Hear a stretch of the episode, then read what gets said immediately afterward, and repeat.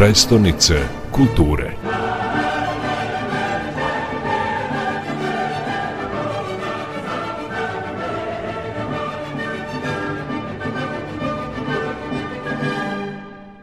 Tim nezavisnih evaluatora sa Novosadskog univerziteta bavio se više od pet godina detaljnom analizom i samom postavkom metodologije istraživanja projekta Novi Sad, Evropska predstavnica kulture. Do kakvih rezultata se došlo, odnosno za početak, ko je sve učestvovao u istraživanju i na kom uzorku je rađeno?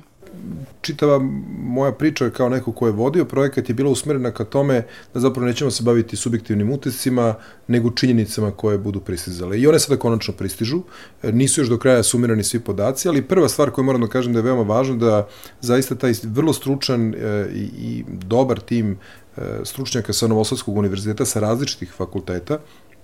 jer se različite segmenti i delovi su se obrađivali, je e, svoj pristup koji je inovativan, drugačiji, originalan, potvrđen i kroz svetski priznat časopis, da vam sad ne navodim kako se tačno zove, u načinu metodologije i da ga polako preuzima i druge evropske predstavnice kulture u obrađivanju jednog koeficijenta. Dakle, jedne sumirane cifre u tome koliko je grad se pomerio ka, kada se sve objedini. Ja sam sad ovo uprostio, ali otprilike u naučnom smislu oni su uspeli da ne samo pokažu dobre rezultate projekta Evropske predstavnice kulture Novi Sad 2022, nego su zapravo i Novi Sad u nekom naučnom smislu dodatno prezentovali svetskoj naučnoj stručnoj ovaj, javnosti. I ti rezultati će biti konačno objavljeni tamo negde posle e,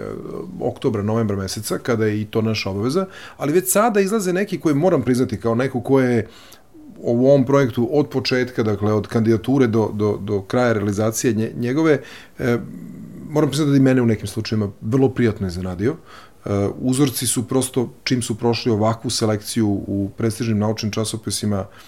značajni. Mislim da čak u nekom smislu su prelazili i onaj zadovoljavajući okvir, nego su išli iznad toga i pokazuju zapravo pre svega da recimo, znači kad dobijete u tim procentima 77,6% e, građana Novog Sata e, je prezdovoljna Evropskom predstavnicom kulture tim projektom ili je to prevazično njihova očekivanja. Onda dobijete zapravo konačno jednu potvrdu o tome šta je rađeno, jer naravno da uvek ovakav jedan proces ima i one koji su zadovoljni i koji nisu, ali kad dobijete cifru od 77, gotovo 80 procenata, to govori o tome da je ovaj projekat i više nego uspešan bio. Ko je sve učestvovao u istraživanju, osim građana, tu su bile i ustanove kulture, ako se ne varam? I ustanove, i umetnici, i turisti, dakle, zaista jedan sveobuhvatan pristup u tom smislu i ja im se u tom izuzetno zahvaljujem Da, metodologija se bazirala na tri dimenzije, kultura, zajednica i ekonomija i 11 podimenzija kao što su razvoj publike, kulturna participacija. Da krenemo od prve dimenzije kulture,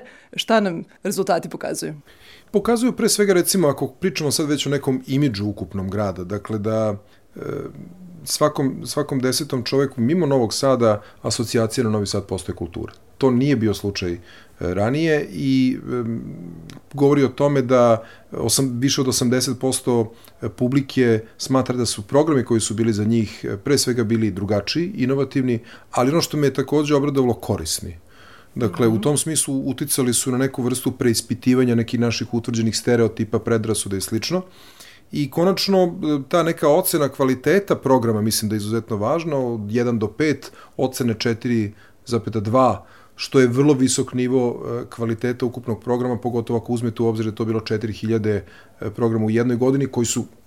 ruku na srce bili različitog e, i gabarita i kvaliteta i tako dalje, neujednačni u tom smislu, ali kad uzmete taj ukupni procenat, to govori o tome da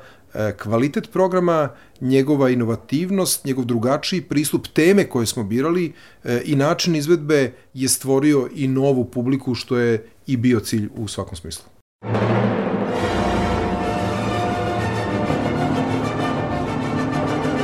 prestonice kulture.